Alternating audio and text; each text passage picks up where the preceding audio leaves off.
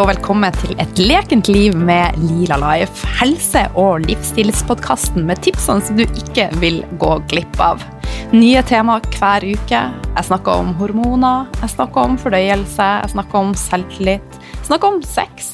Jeg snakker om eterisk olje, egentlig alt mellom himmel og jord som kan være med og gjøre at livet blir mer balansert og lekent.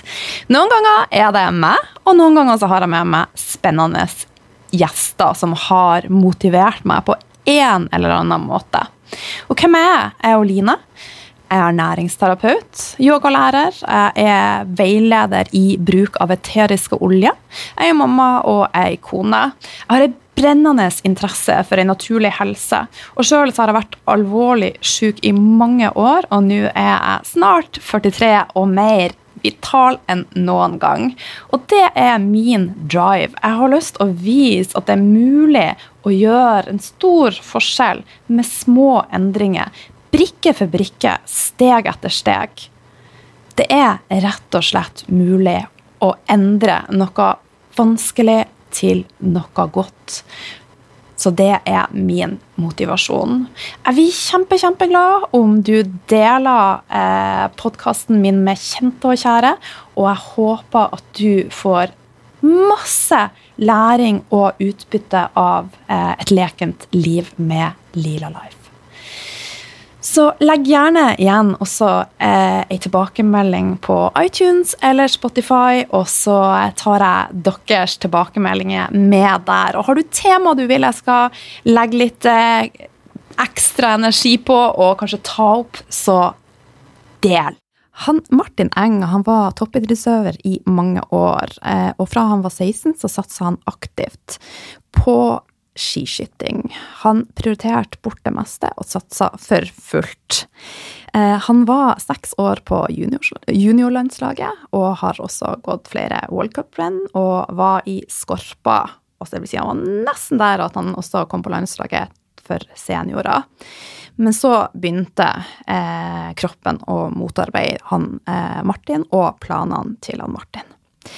Så hjertelig velkommen, Martin. Det her har jeg gleda meg masse, masse til. Eh, vi har jo kjent hverandre i gåsøya noen år, men via sosiale medier. Moderne verden. Det er jo ganske fantastisk.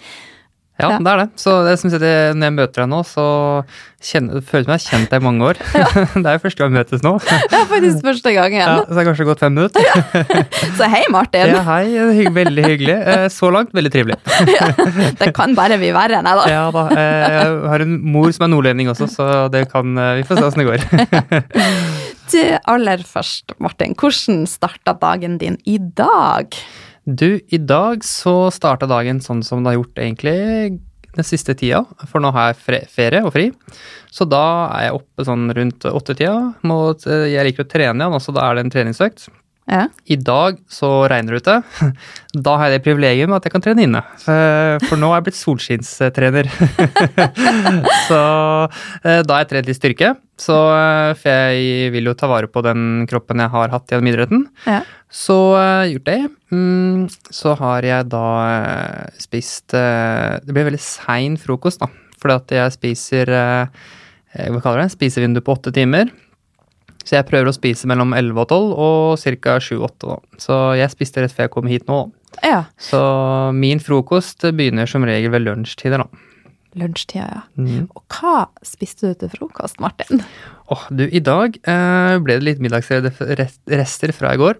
Vi hadde kylling, så jeg har kylling med veldig mye godt krydder. Jeg er veldig fan av røkt, røkt eh, Ja, røkt krydder? Nei, mm, ja, røkt krydder. Ja. Syns det er veldig godt. Mye smak. Eh, og eh, så lagde vi da en eh, god saus til og litt rotgrønnsaker. Ah. Så det ble da lunsjen i dag. Ja. Så trening først, så lunsj, frokost. Kanskje vi kan kalle det brekkie? Yes, noe ja. sånt. Mm. oh, så spennende. Men du, i mange år så levde du ut eh, drømmene dine, rett og slett. For drømmen din var å bli skiskytter, og du ble skiskytter. En fantastisk god en. Eh, hva gjorde at du ville satse mot toppen, rett og slett? Nei, det var jo Det begynte jo fra jeg på en måte var uh, mye yngre, altså sånn jeg var alt fra fire til tolv år, da. Jeg var veldig aktiv familie. Mye ute, og jeg var mye i Nord-Norge. var Vant til å være mye ute også. Eh, Så viste det seg etter hvert at eh, min far, det var jeg ikke klar over, han var jo skiskytter han òg i sine yngre dager. Ah, Så da jeg var tolv år, så fikk jeg vite det. Men eh, at jeg begynte med skiskyting, var nok litt mer tilfeldig. For som veldig mange så var det fotball, det var langrenn og det ene med det andre. Og så fikk jeg prøve å skyte her en gang hjemme i lysløypa hjemme, da. Og syntes det var utrolig moro. Og da, da ble liksom vinteren ble langrenn og skiskyting, og så var det litt fotball. Men som du sa i stad, da jeg var 16, så klarte jeg ikke å eh, gjøre alt det sammen. For jeg ville på en måte prøve å bli, bli god i det. mm. Og da så jeg at skiskyting det var det jeg på en måte eh, var mestra best. da. Så jeg hadde et veldig bra miljø i tillegg. Så da bestemte jeg at nå vil jeg satse i skiskyting. Og så har jeg på en måte aldri vært noe så spesielt skoleflink.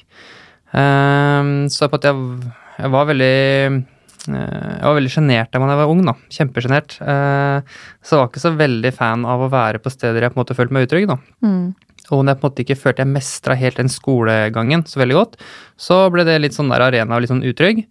Og så hadde jeg skiarena hvor jeg følte meg veldig trygg, for der var jeg god. eh, Og hadde veldig, veldig gode venner rundt meg, og mange. Så der følte jeg meg veldig trygg. Og kjente at eh, det her er noe som vekker ja, følelser, da, og det her mestre. Mm. Så da, da Fra jeg var 16 til jeg var i hvert fall 20, da, så var det skiskyting først, da. I forhold til skole, det kom i andre rekke, da. Mm. Så jeg la jo til rette skolegangen eh, i forhold til min trening. Da. Så jeg tok eh, videregående over flere år for å kunne satse aktivt, da. Ja. Så i mange år så var det stort sett skiskyting som eh, gjaldt i livet ditt. Det ble det. Så du kan si ungdomsårene så er det ganske Da er det litt tøft, fordi du kommer i en periode hvor eh, man skal prøve mye nytt. Eh, alkohol, litt festing og litt hit og litt dit og sånne ting. Det blir det jo lite av. Eh, Når de kom på mandag og fortalte om en fest og ditt og datt, så hadde jeg vært eh, langt inn i skauen og gått til skirenn i 20 minus og hei! Det slo liksom ikke like godt an. Nei, men jeg tenker jo at det er jo sunnere å være inne i skogen og gå på ski enn å være på fest. Ja, jeg fikk veldig mye mer ut av det da, og det gjør jeg for så vidt nå også. Eh, Så det ble på en måte en sånn naturlig både sosialt og at jeg mestra det.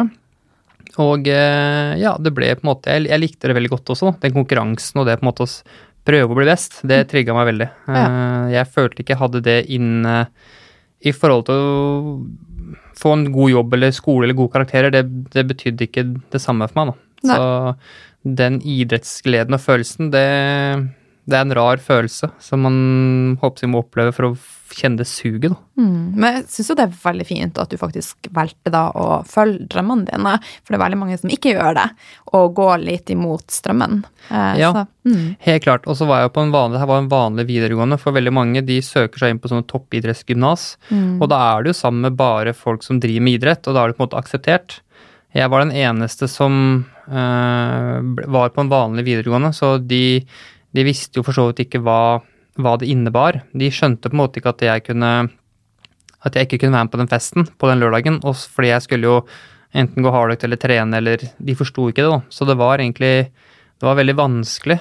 Eh, Men så merka jeg jeg fikk jo veldig mer aksept på skolen når jeg ble god, mm, som jeg syns mm, er en litt sånn eh, ikke feil ting. Det var jo bra, greit for meg der da, siden jeg var dyktig på skolen, men det er ikke, jeg ble jo ikke noe bedre person selv om jeg ble god på ski. Sånn at eh, jeg fikk jo egentlig respekten blant medelever fordi de syntes det var kult at her er det en i klassen som presterer godt på ski. da. Mm. Eh, jeg ville helst så klart at det var fordi at eh, jeg var mer den jeg var, da, istedenfor. Men man er jo ung, da, så det er jo veldig fort gjort sånn der, da. Ja. Hmm. Men du, i slutten av 20-årene så merka du at noe endra seg, og kroppen din begynte å stritte litt mer imot. Og resultatene de kom ikke sånn som du hadde ønska og planlagt. Kan ikke du fortelle litt rundt det, da? Jo, eh, for jeg var jo gjennom juniorkarrieren, og da er man jo fram til man er 21 år. Eh, da konkurrerer vi i Norge, og da var jeg blant de beste juniorene i mitt alderskull. Da. Så fikk jeg, ble jeg senior, og da konkurrerer du på lik linje med de andre. Karrieren gikk egentlig fortsatt ganske bra. Jeg var liksom, som sagt, jeg var til å bryte igjennom. Ting fungerte veldig bra. Eh, og så husker jeg Det er veldig rart, for det er et skien jeg aldri, aldri kommer til å glemme. Eh, da presterte jeg mitt beste løp noen gang. Men jeg merka også at der snudde det snudde der, for så vidt. Eh, etter det så begynte jeg da å få mer skader. Jeg fikk noe prolaps, jeg fikk virussykdommer som var vanskelig å, å oppdage. da. Og da starta jo den eh, Om det var en fem, seks, sju år med veldig mye opp og ned, og til slutt veldig mye ned, da. Og Ja. det, det har vært tøft. Mm. Har det vært. Ja. Det, Eh. det har jeg full forståelse for. Eh, ja. Ja. Vi skal komme litt mer tilbake til eh, det, men jeg er jo litt sånn nysgjerrig på kosthold. Eh, jeg er næringsterapeut, og eh, jeg har litt lyst til å vite hvordan spiste dere eh, på landslaget? Ja, det, for det er jo en ting som er veldig i vinden eh, i dag, og har vært. Og vi ser jo en total endring. For sånn når, når jeg da kom inn på underlag, da var jeg 18 år. Eh, fra jeg var 18 til 25, så gikk det gjerne det samme, da. Og da når vi var på landslaget, så var det ofte det at eh, vi var jo oppe om morgenen. I Eh, 28-tida vi spiste frokost. Typisk havregrøt med melk. Etter hvert så hadde vi litt eh, protein i nøtter for å pimpe opp grøten litt. Men veldig, de andre som ikke var sånn, de kjørte vanlig sukker og kanel og pakka der.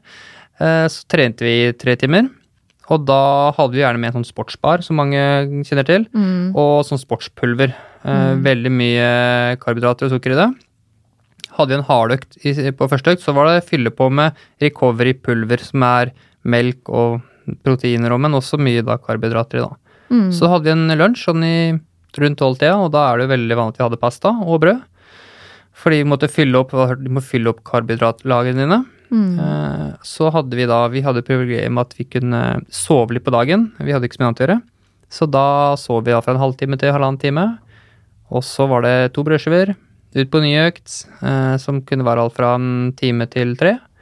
Og så var det en middag som eh, besto av mye poteter eller ris eller pasta med noe kjøttstykke og litt grønnsaker. Da. Mm. Og så eh, var det korn og melk til kvelds. så var det i seng. Ja, så mye, mye karbohydrater, rett og slett. Mye rask næring. Ja. Ja. Og det hendte jo også hvis vi var på langtur i tre-fire timer, at uh, trenerne var jo innom og handla cola og, og eh, skoleboller og, og veldig mye sånt. Så det er jo ting som har gått igjen veldig mye uh, i yngre alder, da. Mm. Eh, sånn at uh, vi får jo bare høre at du må fylle opp karbohydratene dine. Det er de du på en måte skal gå på. Uh, men de vi på en måte har fylt opp, så må jo det resten må jo lagre seg et sted her, da. Det er det som veldig mange ikke har kontroll på, da. Mm. Men vi ser jo med dreining i det nå, på at nå, er det, for- nå kutter vi mye mer ut, og vi ser jo at ja, veldig mange idrettsfolk kutter veldig mye melk, for det er ikke bra for magen, du skal pushe deg, og de mange får betennelser i kroppen, og jeg ser at flere og flere eh, velger karbohydrater med omhu når de spiser det, og det blir mer proteinrikt, og de ser jo mer til reinere produkter, da. Så kunnskapen den øker på den fronten, og så har det utvikla seg. Det utvikler seg absolutt, og, Og vi er ser bra. jo Veldig. Og så tror jeg det er bra at uh, forskere og andre også tar tak i det her, og ser liksom at uh, det en, fins en annen vei enn den gode, gamle kosten vi hadde for mange, mange år siden. Eh, jeg har jo selv etter hvert blitt litt interessert i det her også, da. Det er jo sånn vi også for så vidt er blitt kjent òg. og du ser jo på en måte hvordan maten og næringsinnholdet endrer seg bare på mine 30 år. Så det er jo Det jeg fikk da jeg var liten, er jo ikke det samme næringsinnholdet den dag i dag. Og idretten går den veien at før om åra så var det tømmerhoggere, ikke sant. De jobba i skauen og de trente litt. Mm. Nå er det på en måte en 24-timers idrett. Vi presser strikken på alt av trening, kosthold, søvn, hele pakka. Så kroppen blir på en måte Den, den tuner vi maks, maks ut, da. Ja. Uh, og da får vi utslag med at folk begynner å få betennelser og uh, kyssesyke og tvar, som Mm. vi har hørt om disse virusene, og som både de største stjernene får, som de som blir nummer 100 i Norgescupen. Så Mm. Men du kjente at dette kostholdet ikke var optimalt for deg. Du har også beskrevet at det påvirka fordøyelsen din, og at du hadde en følelse av å ha vann i kroppen. Og en annen ting da som eh, skjedde, var jo at det var litt fokus på det med vekt også, for at du eh, rett og slett hadde Ja, kroppen jobba litt imot deg. Eh, vil du fortelle litt om det? Ja. Eh, du kan jo si det at eh, vekt er jo en ting som vært tabu i veldig mange år i forhold til skiskyting, langrenn spesielt. da. Det er jo egentlig Vekt har jo nesten noe å si hvilken som helst idrett du driver. Det blir mer og mer fokus på det. Men i starten så var det veldig tabu. Eh, det er blitt mer og mer åpenhet om det. Men jeg hører også i intervjuer den dag i dag at veldig mange snakker om vekt. Jeg er for feit, eller jeg er for stor, eller jeg er for lett, eller Det blir jo poengtert fra, mm, fra de som kommenterer også. Um, og jeg skjønner at det har, det har jo også noe å si. Og det ble sånn for min del etter hvert òg, at eh, vi på, når du er på landslag, så skal vi jo ha Vi har et veldig bra apparat rundt oss. Vi tok en sånn vanlig bodyscan-sjekk. Og det var jo ikke for oss å liksom sjekke om den var for stor eller for liten, det var for å finne ok, hvordan er sammensetningen i kroppen din. Er det noe vi kan hente ut her, da? Mm. Og da sover man jo ofte det at øh, Jeg husker jo vi var jo seks karer inne, og nesten alle kunne gjøre noe med vekta da, på en enkel måte uten å miste muskelmasse. da. Mm. Så for min del så har jeg alltid vært en eh, kraftplugg, da. Altså jeg har vært sterk, så jeg vil alltid eh, Alltid hørt jeg har vært en kraftig kar, da. Og, det har vært styrken min på ski også.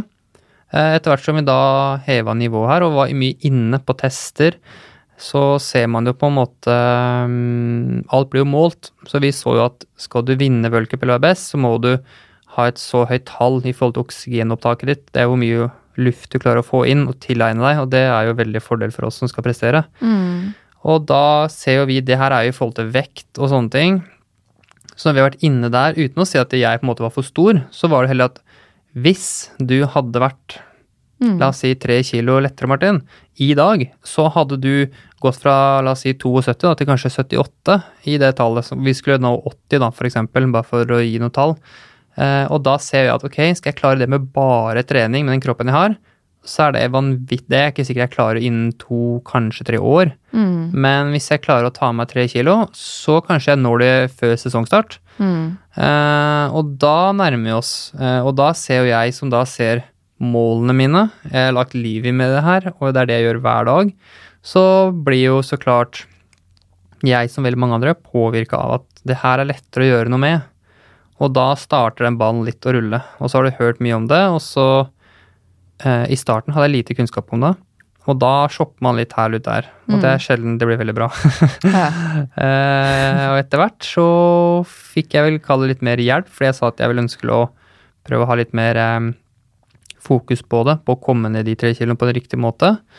Eh, uten at jeg syns det funka noe veldig bra. Så da gikk du, i tillegg til å ha en eh, fordøyelse som streika litt, og være oppblåst, til å også være sulten? Ja. Drømmesituasjon! Kjempebra for en idrettsutøver. Nei, det som jeg syntes var veldig vanskelig der, det var at du fikk jo på en måte en Igjen, vi har et idrettshode. Du ser en plan. Eh, om du har spist de to knekkebrødene dine, så er det på en måte Ja, da er de spist, og det står ikke at du kan spise tre på den planen. Og da spiser du ikke tre, selv om du kjenner 'Å, herregud, nå er jeg sulten. Skulle gjerne spist to til'. så du havner litt i den der, da. Ja. Og så havner du litt på, så klart, du er på vekta støtt og stadig, så du Det også blir på en, en sånn Ond sirkel. ja, for du tenker åh, ja, jeg tar av meg de tre gramma til i morgen, for da er jeg under Da har jeg fått et nytt tall, ikke sant. Så tut, tut, tut. Eh, og da er den litt i gang, så på en måte Det er så fort å havne ut på litt feil, da. Eh, vi blir vi blir, vi idrettsutøvere i hvert fall, vi blir veldig desperate når ting ikke funker. Mm. Eh, fordi eh, jeg har sett litt sånn at det er som å se en svær sånn pokal. Det er på en måte den vil du ha tak i, for da er du best. Og så på et punkt så føler jeg at jeg er, liksom, jeg er veldig nære den. Jeg ser den klart og tydelig, den skinner, og på en måte jeg kan nesten ta på den. Jeg følte kanskje jeg liksom fikk touche på den. Eh, og så plutselig så begynner det å gli litt, at du kjenner oi, nå glir den litt ifra deg. Og så jo mer den glir, jo mer desperat blir jeg på å komme tilbake. Og det er da på en måte vi begynner å gjøre disse feilene nå. Mm. Uh, Du er rett og slett ikke en flyt, da. Nei, det er ikke det. Eh, og da, som du sier, det gjelder jo egentlig vanlig hverdagen også. Når folk blir stressa eller ønsker noe veldig, så begynner de å gjøre disse personlige feilene. Og da blir gjerne målet lenger unna. Og da øker desperasjonen, da. Mm. Men det her, påvirker det ditt eget selvbilde og i forhold til ja, hvordan Altså det med kropps, kroppspress, rett og slett. Ble du stressa av det? Eh, ja, for du kan jo si eh, vi, På vinterstid så flyr vi rundt en trang kondomdress. Veldig bra for publikum, tenker jeg.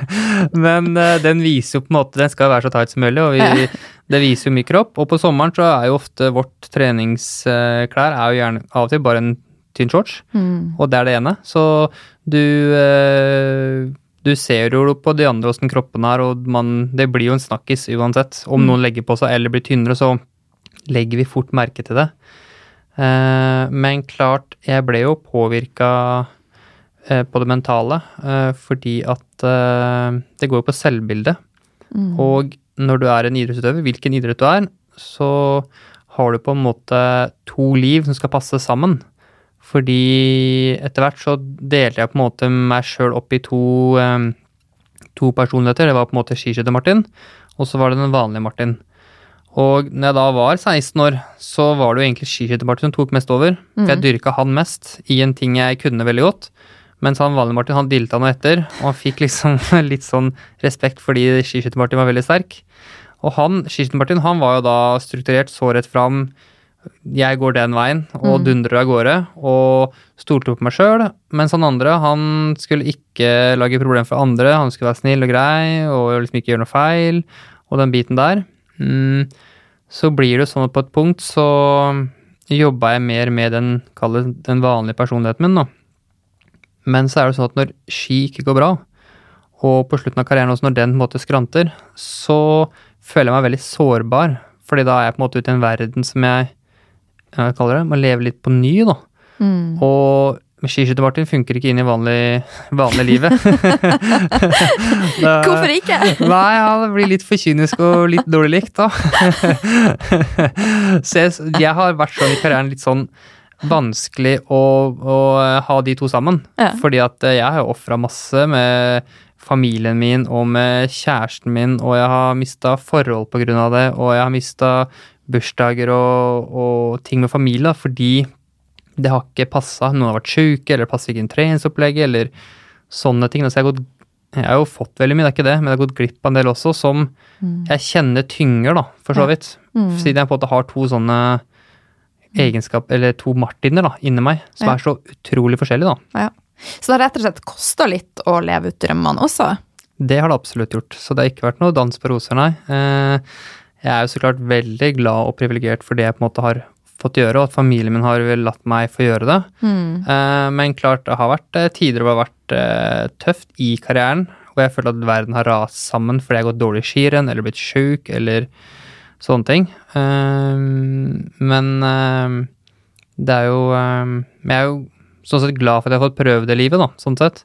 Men så klart, ja, det har, det har kosta mye, spesielt på slutten, da. Da har det kosta mye. Mm. Men litt tilbake til det med kroppsbildet kroppsbilde og selvfølelse. Jeg har jo sjøl hatt spiseforstyrrelser i mange år. Eh, hvordan er det i skimiljøet og sånn? Er det utbredt, det med spiseforstyrrelser, eller kan du si noe om det? Ja, det er jo ehm, Det er jo utbredt. Altså, vi har jo eh, du kan si Det har brytet ut blant damer først. da, Det er der det på en måte starta først. da. Jeg tror jo den dag i dag at det er ganske mange mannfolk innen idrett som har en spiseforstyrrelse, eller har eh, spisevegrer eller et anstrengt forhold til mat, men de kommer ikke så godt fram. Eh, det er vel på en måte damene som har blitt kasta ut i det først, men vi vet jo at i utholdenhetsidrett så er det veldig utbredt. Eh, Det er mange som har fått startnekt, eh, og det er flere som på en måte må inn og må ha en godkjennelse av lege i forhold til at de kan starte. Da. For eh, mange av utholdenhetsidretter har satt noen grenser da, Mm. i forhold til dette med BMI og vekt og den biten her, men veldig mange dere damer er smarte, vet du. sånn at eh, det er mange som klarer å lure det systemet litt da, for å allikevel kunne gå, da. For eksempel med å drikke vann? For eksempel. Ja. Ser jeg har alle yes, svarene. ikke sant. Litt salt i vann også, så binder det litt, så er det der. Uh, så det er veldig mye sånt der. Uh, for å lure seg gjennom, men det er jo uh, Det er jo blitt utbredt, og det blir mer snakk om det, og det, det synes. Og Mm. du kan jo si de yngre også, de ser det. Og de som kjenner litt på det, de som er rundt et bord, det har sikkert du lagt merke til, du kan sikkert lettere i dag plukke ut i en gruppe hvem som har det, for du ser tegnene. Mm. Eh, når jeg på en måte var rundt 18-19-20, så var det disse som het NTG, som da samler så mange eh, gode utøvere sammen. Og da er det en gruppe sammen, og forskjellig, og da er det jo fort at til tider så var det mye utbredt der, da. Uten at det var eh, At det var eh, så mange som visste så mye om det. Mm. Det er liksom hvordan skal du angripe det som trener. Jeg har vært eh, eh, Nå er jeg jo trener en dag i dag, ikke at jeg har kommet i den situasjonen, men jeg kan tenke meg hvis jeg hadde sett det, så er det veldig vanskelig hvordan skal du tre fram. Mm. Fordi du vet sikkert sjøl at du var ikke veldig mottakelig for å prate om det hvis noen kom og liksom prøvde å arrestere deg, eller ta det på en pen måte, da. Overhodet ikke. Nei. Nei, man må finne nesten ut av det sjøl. Men det er, jeg tenker, hvis jeg skal gi et lite tips der, så er det jo da å gi et signal om at jeg er her, hvis du har behov for å prate. Jeg ser at du kanskje sliter litt, eh, men alle som kom og skulle fortelle meg hva jeg skulle gjøre, de satte jeg opp alle murer for. Ja. Ja. Det kan jeg godt tenke meg. Så det er en kjempeutfordring. Og jeg tror jo i dag så har vi mer kunnskap om det, men fortsatt så er det, er det utbredt. Og du ser jo på en måte Jeg har sett det selv litt, disse kalde faresignalene, da. Eh, Men det er på en måte noen Eller utøver jeg ikke har noe med, så Mm. eh, Men eh, absolutt så er det presset fra media, det er sponsorer, det er press å vinne, og det er den biten der. Så det, Mm. det er dessverre blitt en del av totalpakka i utholdenhetsidrett. Det er nok mye i forhold til styrke eller turn eller altså friidrett og andre ting, men det er nok blitt mer i liksom de store utholdenhetsidrettene òg. Mm. Det er en pakke som følger med, som er veldig, veldig vanskelig. Ja. Eh, Vi skal snakke litt om, for at det Jeg tenker at det er nesten en mening med alt. Ikke med alt. Eh, Jeg syns type ulykker og sånn, det kan jeg ikke beskrive at det er en mening med. Men um, du endrer kostholdet ditt etter hvert. Men før vi kommer dit, så har jeg bare lyst til å høre hvordan er eh, forholdet ditt i dag til mat og kropp? Er du kommet deg i litt i balanse der, eller er det litt anstrengt fortsatt? Har du fått liksom noen sår? Uh, ja, det har jeg fått. jeg eh, Ja. um, det har gått veldig opp og ned. Uh, fordi at uh, det som jeg syns har vært veldig rart, er jo at jeg har jo hatt en trent kropp i sikkert 20 år. Så jeg har jo sett meg sjøl mye, og det er veldig uvant at kroppen endrer seg. Så selv om eh, selv om jeg har jo følt eh, Akkurat i dag så føler jeg meg ganske ok. Ser Så flott ut. Takk i like måte. Eh, men allikevel ser jeg jo at det er uvant å se meg Det tar tid å tilvenne seg å se meg sånn som jeg er nå. Mm. fordi at jeg er jo større nå enn uh, jeg satsa. Og jeg veit at jeg har ikke lagt på noe særlig muskler. Mm, sånn at eh, jeg har nok hatt et eh, tidligere et anstrengt forhold.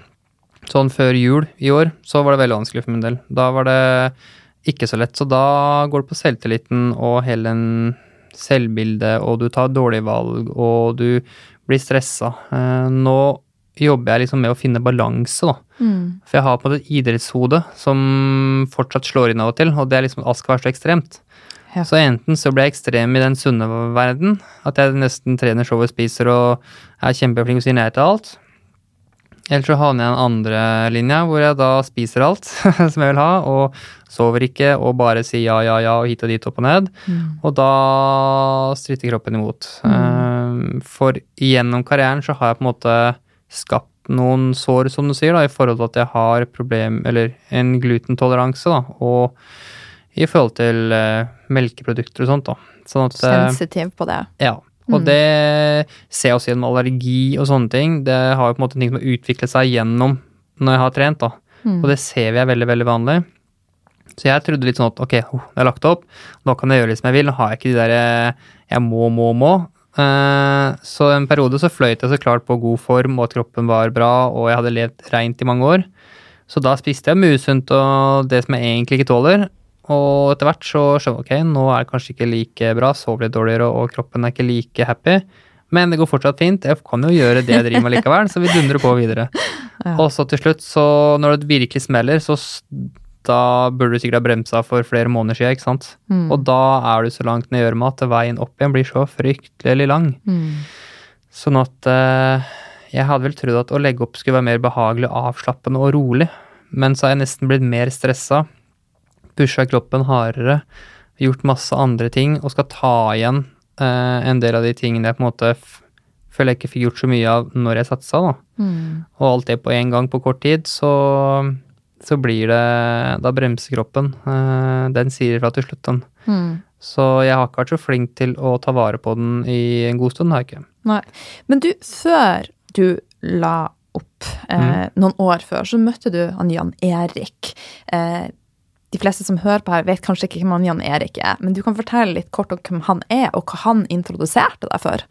Ja, det, han er jo da en kostholdsveileder, da. Eh, og så har han jo jobba faktisk eh, med en del eh, rusmisbrukere også. Eh, og det er rart å tenke på at det er litt sånn samme tankegang i forhold til å komme seg ut av et system og komme seg videre, da. Og han har veldig god menneskeforståelse.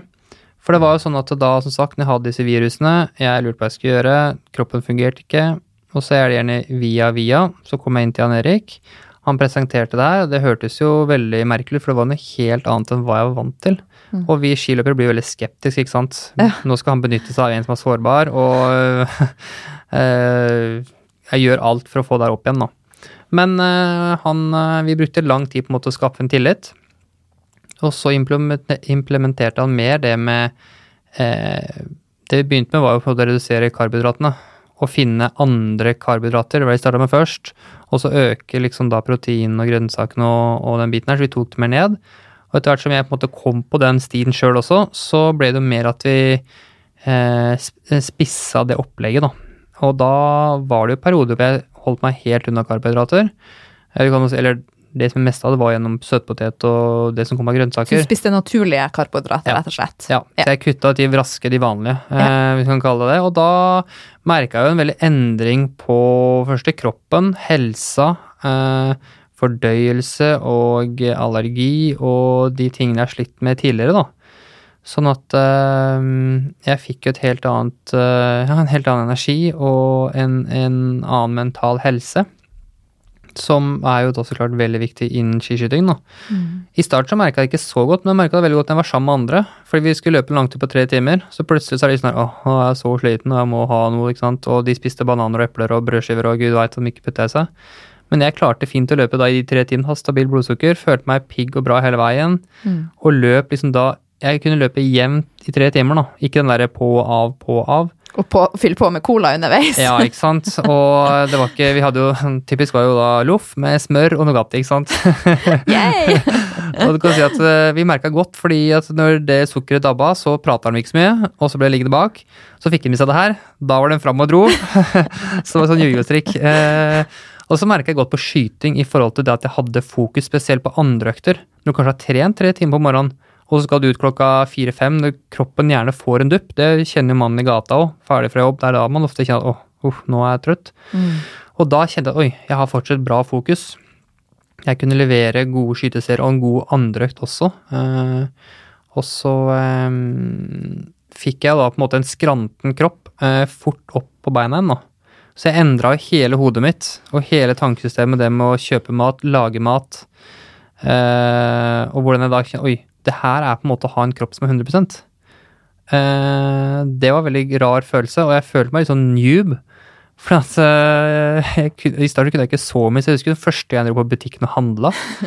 liksom bare inn der. Jeg tror jeg gikk ut med noen kyllingpakker og egg og noe salat bare. Så jeg, første uka så kunne jeg vel sikkert klekke egg sjæl og Eh, Men så fikk jeg Jan Erik sa til Martin jeg skal, jeg skal bli med deg i butikken. Så han ble med meg i butikken, og vi handla, så pekte ja, for jeg spurte så mye, ikke sant. Så han lær, ja, det høres rart han lærte meg sånn, hvordan jeg kunne gå smart i butikken for å handle det jeg skulle ha. Og det som er veldig fiffig å se, da, at da går jeg jo ikke innom de stedene hvor alle fristelsene er, fordi de fristelsene de er alltid ved kassa på slutten, hele pakka. Så for det første så var handlekurven min full når jeg kom dit, og for det andre så gikk vi på en måte eh, de, de hyllene slik at vi var kommet utenom. Og da merka jeg at fy søren, det her var jo kjempeekkelt. Ja, så bra. det, ja, så det merker jeg en dag i dag også. Det, hvis jeg handler sånn, så er det bare Jeg kjenner jo ikke noe sug da. Jeg blir ikke eksponert for alt dette her. Nei. Um, sånn at eh, Og i tillegg, da, så uh, var jeg jo ikke noe stor kokk før. Da var liksom, Hvis jeg var aleine, så var det liksom da to brødskiver med karbonade og egg i. det var liksom greia. Ja. Det er jo ikke det verste, det, da. Det var ikke det verste, Nei. men uh, nå er det på en måte Jeg blir faktisk det er gøy å lage mat. Det høres litt rart ut, men uh, jeg liker jo på en måte kunne lage god mat, da. Eh, og så har jeg så klart vært mye aleine i forhold til når jeg bor i leilighet og har mye dager aleine. Og da tenker jeg at ja, da lager jeg noe god mat. Det ser godt ut og innbydende ut. Og da ja, syns jeg liksom har fått Jeg trives med det. Så Så herlig! ja, mamma er veldig glad for den jeg kom hjem. Musikk i mine ører også. så nei, så det, det har kommet mye godt ut av det. Og så var det jo Det som ble viktigst, var det at eh, jeg fikk jo forlenga karrieren. Um, fordi at i den perioden så var jeg hos ei dame som holder til i Lillehammer. Hun driver med heter lymfedrenasje, går for lymfene. Ja. Og da kjenner du veldig godt hvis kroppen ikke er i harmoni. Eh, Vi kaller, hun kaller det for kloakksystemet i kroppen ennå. Og vi har hatt flere utøvere som har vært inne på det, de blir dårlige. altså De kan kaste opp, og de vet ikke hva som skjer, de, eh, i forhold til at kroppen har noe i seg. da. Mm. Hun tok meg inn da før jeg begynte med Jan Erik. Det her var i februar. og Jeg møtte Jan Erik i april. Ja. Og hun sa det ikke direkte til meg der og da. Hun behandla meg og tenkte at han der, han kommer aldri noen gang til å gå på ski i en sånn sats igjen, fordi den kroppen, den var helt oh, ja. Den var kjørt. Både for så vidt for overvektig, og den var dårlig drenering, og det var på en måte så mye som stoppa i min kropp, da. Ja.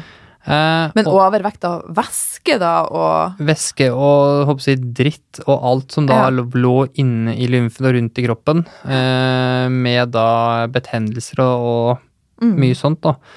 Eh, og jeg fikk jo en kjempekraftig reaksjon sjøl etterpå. Jeg var, jeg hadde sånn influensa i tre dager, ikke sant. Ehm, så jeg skjønte jo at det var eh, røft for kroppen, da. Mm. Så vi kjørte litt behandling. Den er så tøff behandling, så vi kunne ikke ha noe Det var sånn en måned, halvannen mellom.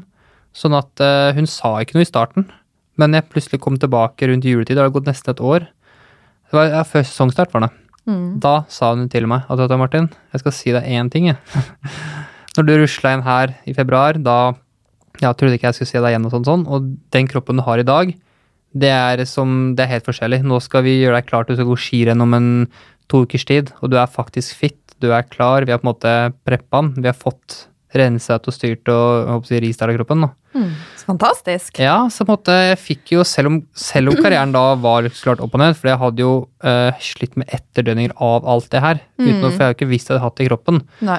Eh, så er jeg på en måte da egentlig en strikk som egentlig har kanskje vært strekt ganske langt. Mm. Så med de nye endringene så kunne jeg strekke den enda lenger, som egentlig var veldig bra der og da, og jeg er veldig fornøyd med. Men jeg har kanskje fått svi litt den dag i dag, da når den først sprakk, så har det sprukket veldig nå, eh, på kroppen da. Men eh, du tenkt på når det altså, at Sprakk du i etterkant? Nei, jeg tenker at jeg har kjørt kroppen så i Ja. senk. Jeg Ja, sånn sett, ja. Ja, Mm. så jeg har trent ganske røft. Jeg har vært i høyden, jeg har trent hardt, jeg har trent mye på en kropp som da egentlig har vifta litt med flaggene. Mm. Men så har jeg da gjort de endringene med kosten som har gjort at eh, oi, nå føler jeg det går bra likevel. Jeg har testet bra, du klarer deg bra likevel. Ja. Men så har det på en måte ikke vært nok fordi jeg har dratt limiten, da. Mm. Så er spørsmålet hvis jeg kunne gjort det her uten de virusene i kroppen fra før, så det får en aldri svar på. Men da er jo spørsmålet hvordan det hadde blitt da med en frisk kropp da, med det her. Mm. Forhåpentligvis kunne det blitt veldig mye bedre, men det får jeg aldri svar på. Men jeg er på en måte glad uansett for de valgene jeg tok eh, da. Og Mm. som du sier, alt skjer for en grunn. Jeg så det ikke når jeg sto liksom eh, ja, med hendene til gjørma og var så deprimert og alt var dritt. Men i dag så kan jeg si at ja, den grunnen har gjort at jeg ja, sitter her med deg. At jeg har fått noen jobber jeg har fått, og fått oppleve en del ting som jeg har fått oppleve etter karrieren. Hadde Ja. ikke skjedd hvis ikke jeg hadde vært i de situasjonene. nå. Så jeg er for så vidt eh, på sitt si takknemlig for reisen også. Mm. Eh, Jeg vil jo tro at den, de neste reisen, det blir jo ikke bare en dans på roser heller. Uh, og jeg tror jeg kan ta med meg den erfaringa videre. Mm. Så det handler bare om å, å klare å tilegne seg den videre, da. Ja. Eh, ja. Spennende. Og jeg tenker at alt som vi opplever i, i livet, eh, er ei læring på en eller annen måte. Så, men eh, hvordan er livet ditt nå? Det har skjedd litt spennende ting. Du har spennende ting i vente. Kina. Kina er vel et, er vel et ord. Nei, du kan jo si eh, Det første som var veldig gøy som skjedde, var at jeg fikk kommentere vinter-OL i Pyeongchang eh, i 2018. Hvordan klarer du å si pyeongchang? Pyeongchang Nei, det er lang læretid. Pyeongchang. ja, vanskelig. Det var, de var kjappe i praten, disse asiaterne, altså. Så den fikk jeg jo pga. en skade, rett og slett. Ja. Og at jeg var på sosiale medier. Hun så at Martin var skada. De trengte en ekspert, og da ble jeg hyra inn. Så den jobben fikk jeg, for jeg måtte gjøre en operasjon. Som jeg da så klart ikke så der og da, ettertid. Jeg kom til OL, jeg kom ikke dit som utøver, jeg kom dit som en kommentator. Og jeg fikk oppleve OL som ja, har vært en drøm, da. På veldig nært hold. Jeg fikk se, jeg hadde jo kompiser som gikk der, og utlendinger jeg kjente godt. Som du ser tar OL-gull, og som måte blir skuffa. Du ser hele den verden jeg har vært i fra kommentatorboksen, og det var egentlig en veldig fin greie. Så det er jeg veldig takknemlig for at jeg fikk lov til å ha. Så sa jeg til meg selv jeg skal aldri bli trener, for det er, det er et, jeg syns vi skiskyttere, eller vi utøvere ofte er veldig utakknemlige.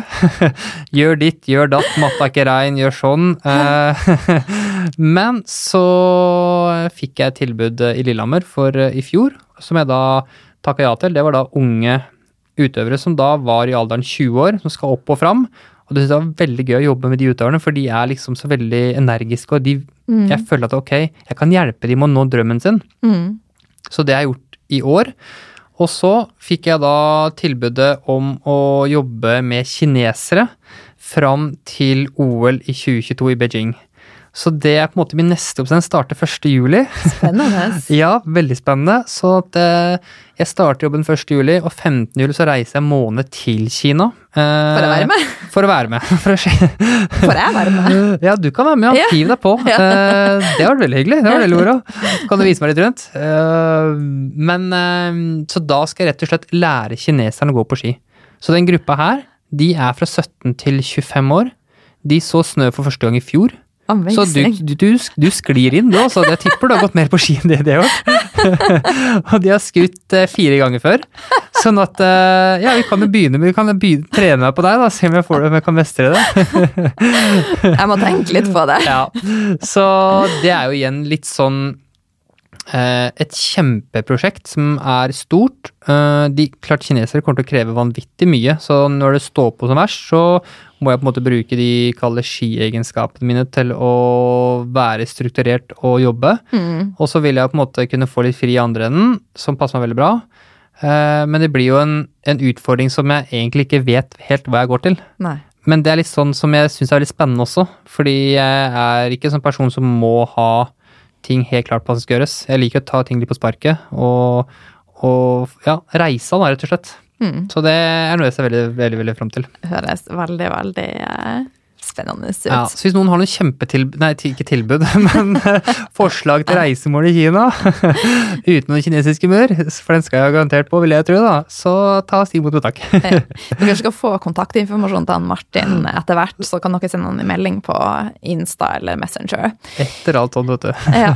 Eh, men helt på tampen, eh, hva er dine beste tips for en happy kropp og en happy selvfølelse, rett og slett?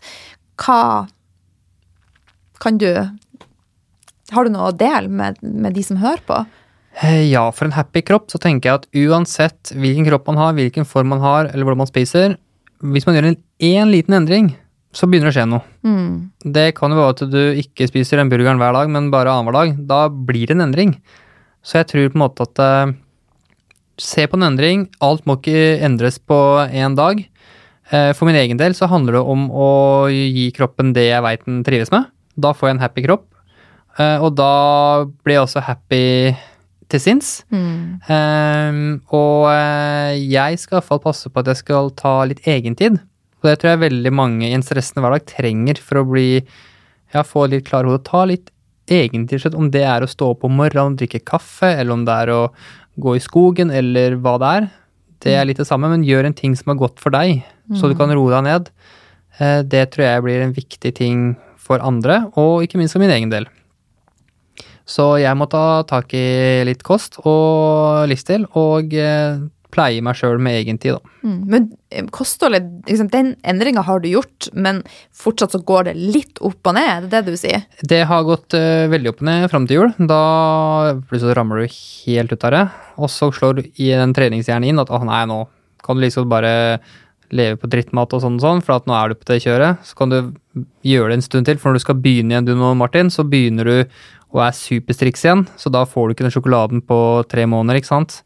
Og da finner jeg, sliter jeg med å finne motivasjon til å begynne. Sånn at eh, for meg nå så handler det om Jeg har det med å ha balanse.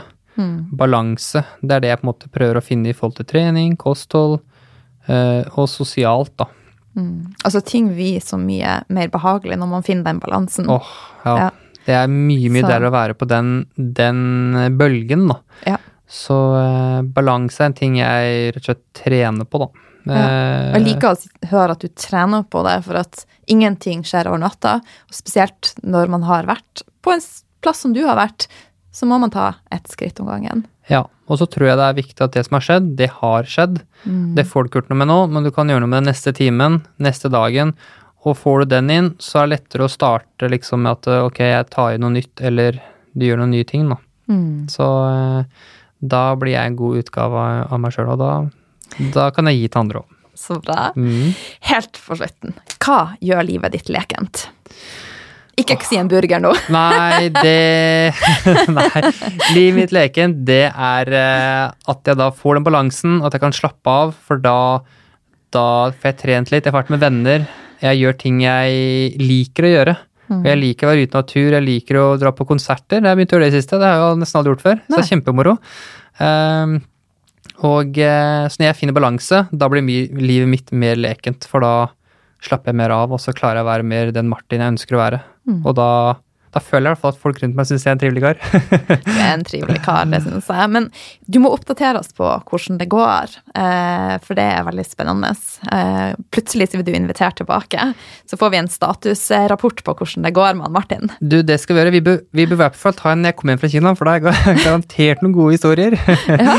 og sikkert noen nye utfordringer. Og nå føler jeg jo også at jeg kommer litt i den mer stabile fasen hvor jeg er nå. På en måte, er jeg på på riktig vei. Så det er som du også har sagt tidligere, du lever den 90-10 eller 80-20. 80-20 liker jeg. Ja, så jeg, liksom, jeg prøver meg på den jeg også, og, og kommer meg dit. Så jeg har noen utfordringer de neste to månedene, men eh, eh, jeg skal klare det. Og så eh, får vi ta en oppsummering eh, over sommeren eller noe sånt. Så bra. Mm. Og husk at alt handler om tankene. Så hvis man spiser en sjokolade og tenker at denne sjokoladen, den er min, jeg skal nyte den, Mm. og for da er det den parasympatiske delen av nervesystemet ditt, da jobber kroppen din bedre med å fordøye det. Det vil ikke bli det samme stresset for kroppen, men er du i fight or flight, der du bare jobber imot alt, så vil du få reaksjoner.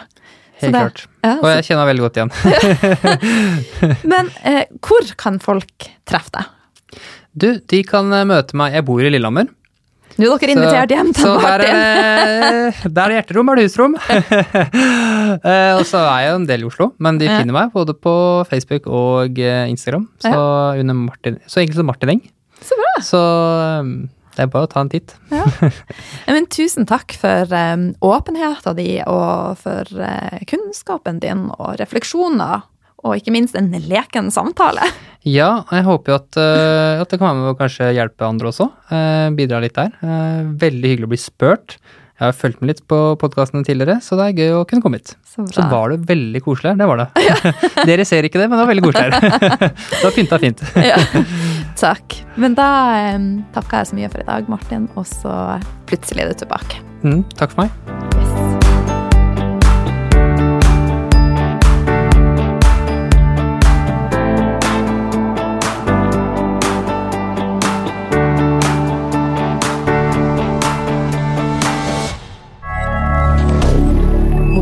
Moderne media.